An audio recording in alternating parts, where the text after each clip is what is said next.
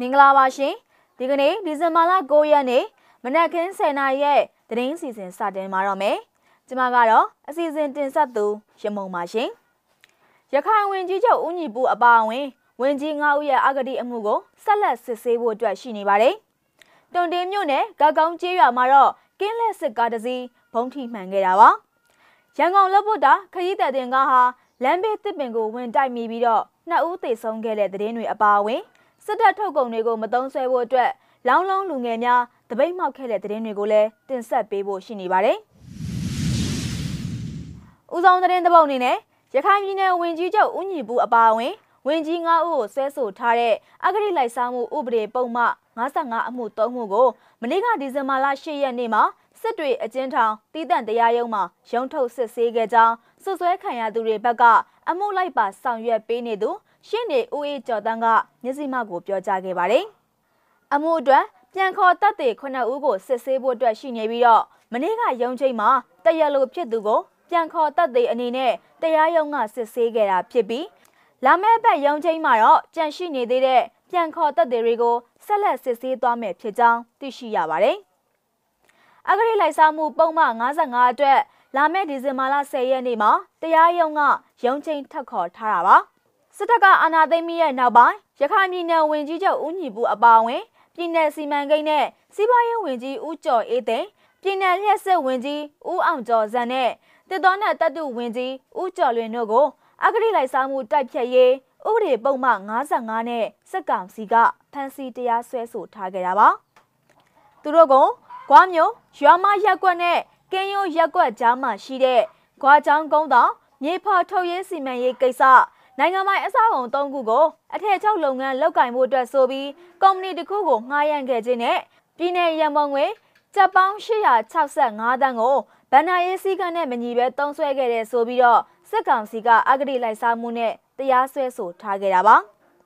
ရခိုင်ပြည်နယ်ဝင်ကြီးချုပ်ဦးညီပူဟာလက်ရှိတရားရင်ဆိုင်နေရတဲ့အဂတိလိုက်စားမှုဥပဒေပုံမှန်55နဲ့ အမှု၃မှုအပြင်နိုင်ငံတော်အကြီးအကျယ်ပြည့်စုံမှုဥပဒေပုံမှန်905ခါခွေးနဲ့လည်းအလောက်ကျန်းတဲ့ထောင်နဲ့နှစ်နှစ်ချမှတ်ခံထားရပြီးလက်ရှိမှာတော့စစ်တွေအကျဉ်းထောင်မှာထိမ့်သိမ်းခံထားရတာပါဆက်လက်ပြီးတော့တွန်တေးမြို့နယ်ကသတင်းကိုတင်ဆက်ပေးပါမယ်ရန်ကုန်တောင်ပိုင်းခရိုင်တွန်တေးမြို့နယ်ကကုန်းကျေးရွာမှာကင်းလဲနေတဲ့စစ်ကားကို မနေ့ကဒီဇင်ဘာလ10ရက်နေ့ညနေပိုင်းမှာဘုံနဲ့ပြစ်ခတ်ခဲ့ကြောင်းပြည်သူ့ကာကွယ်ရေးတပ်ဖွဲ့တွန်တေး PDF ကတာဝန်ရှိသူတို့ကပြောကြားခဲ့တာပါမနေ့ကညနေ4:45မိနစ်မှာအင်အား25ရောက်လောက်ပါတဲ့ကင်းလှည့်နေတဲ့စစ်ကားအကြီးကိုလက်ပစ်ဘုံနဲ့ပြစ်ခတ်တိုက်ခိုက်ခဲ့ပါတယ်။ကုန်းရရက်ဝယ်နေတော့ပြစ်ထည့်လိုက်တာပါ။စစ်သား3ယောက်ထိသွားတယ်လို့အဲ့ဒီတာဝန်ရှိသူကဆက်လက်ပြောကြားခဲ့ပါတယ်။ဘုံပြစ်ခံရတဲ့စစ်ကောင်စီကားအတွင်းမှာ တပ်သား25ဦးခန့်ပါဝင်ပြီးတော့အရာရှိတအုပ်နဲ့စစ်သား2ဦးအပြင်းထန်ဒဏ်ရာရရှိသွားတယ်လို့လည်းသူကဆိုပါတယ်။အဲ့ဒီတိုက်ခိုက်မှုဟာရန်ကုန်တွင်းမှာငြိမ်းချမ်းစွာဆန္ဒပြနေကြတဲ့ပြည်သူတွေကိုအကြမ်းဖက်စစ်ကောင်စီကလူမဆန်စွာနဲ့ကားနဲ့တိုက်တက်မှုနဲ့စလင်းကြီးမြို့နယ်မှာအပြစ်မဲ့ပြည်သူ17ဦးကိုအရှင်လက်လက်မီးရှို့တပ်ဖြတ်မှုတို့အတွက်လက်တုပ်ပြန်တာဖြစ်တယ်လို့ PDF တွန်တေးကထုတ်ပြန်ထားတာပါစစ်ကောင်စီရဲ့လူမဆန်တဲ့လုပ်ရက်တွေကို ထိရောက်စွာဆက်လက်အရေးယူသွားမှာဖြစ်ကြောင်းကိုလည်းထုတ်ပြန်ကြမှာဆိုထားပါတယ်အခုဖြစ်စဉ်အပြီးမှာတော့တွန်တေးမြို့နယ်ဖျားငုတ်တုံနဲ့ကံဘက်လန်းဆောင်နေရာတွေမှာစစ်ကောင်စီကစစ်ဆေးမှုတွေပြုလုပ်လျက်ရှိနေပါတယ်ရှင်။ရန်ကုန်လက်ပွတ်တာခရီးသည်တင်က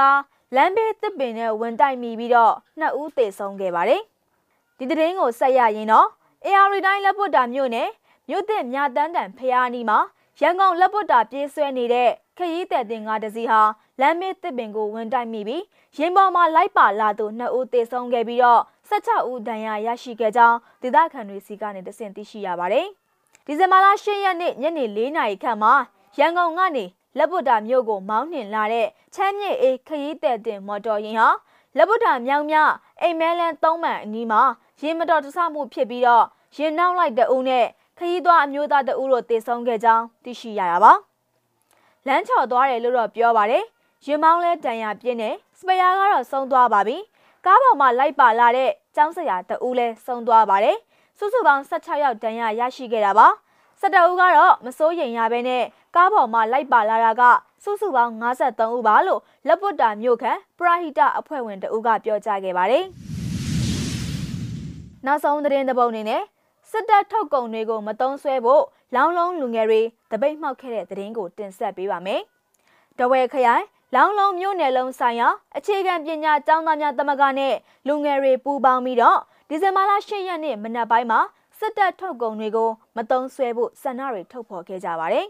။အဲဒီဆန္ဒထုတ်ဖော်ပွဲမှာအာနာရှင်ကိုအမြင့်ဖြတ်ဖို့စစ်တပ်ထုတ်ကုန်တွေကိုတပိတ်မောက်ဆိုဆိုတဲ့စာရန်တွေကိုကင်ဆွဲပြီးတော့လမ်းလျှောက်ချီတက်ဆန္ဒပြခဲ့ကြတာပါ။ ဒီဆန္ဒပြမြင်ကွင်းတွေကိုလည်းအတူတူရှုစားရအောင်ပါရှင်။ဒီသောဘောသောမိဘပြည်သူများခင်ဗျာ။ဘောဦးသောမိဘပြည်သူတို့ရဲ့ပူအောင်ပါမှုအတွက်ကျေးဇူးတင်ကြောင်းပထမဆုံးအရင်ဆုံးပြောနေပါရခင်ဗျာ။မိဘပြည်သူများခင်ဗျာကျွန်တော်တိုင်းပြည်ရဲ့နာဂတ်ကိုအာရုံယူစစ်စစ်စာတွေခွေယူတော့ဆယ်လကျော်လာပါပြီခင်ဗျာ။ကျွန်တော်တိုင်းပြည်ရောကျွန်တော်သမိုင်းကျွန်တော်တိုင်းပြည်ရဲ့သမိုင်းတစ်ချက်မှမတုံ့ဘူးတဲ့အောင်လာရွေးစစ်စစ်ဆော်လူလူရဲ့ရေရဆဆဖိနေဖြိုခွဲတပ်ပြမရိတ်ချေချေကိုခံနေရပါတယ်ခင်ဗျ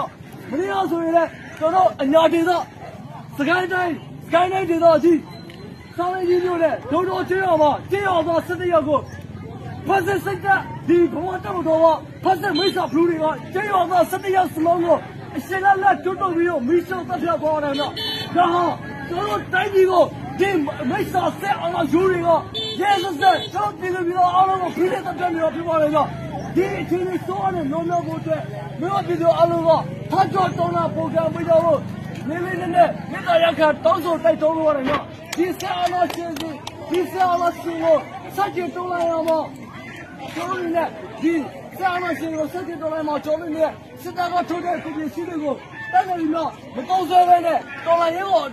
ထဲဝယ်အပြီးကုညီပေးပြီးကျေလိုပါတယ်နော်ဒီကအောက်တော့ဒီတော်လိုင်းရဲ့အဆုံးဖြတ်ဖြစ်ပါတယ်နော်ဒီကညီရတဲ့ညီညွတ်မှုအောင်တဲ့ဒီတော်လိုင်းလည်းကိုနေရတိပေါ်လို့မလဲကျွန်တော်ယူကြည့်ပါတော့ ကျွန်တော်တိုင်းပြီးတော့ဒီလိုလက်စစ်အင်္ဂလိပ်ကိုလည်းစက်ကြည့်တော်လာပြီးတော့နိုင်ယူခဲ့ပြီးရတယ်ဒီပါဖို့စစ်စစ်တော့လည်းလှလှလှလို့လှလို့လှလို့လှလို့ပေါ်ပေါ်ဒီဒီမှာလည်းကျွန်တော်တိုင်းပြီးကျွန်တော်မျိုးစတဲ့လူငယ်အားလုံးရဲ့တာကအတွက်ကျွန်တော်နေလူနဲ့ထိုင်ဒီလို့ကောင်တော့လို့ဆိုရဲ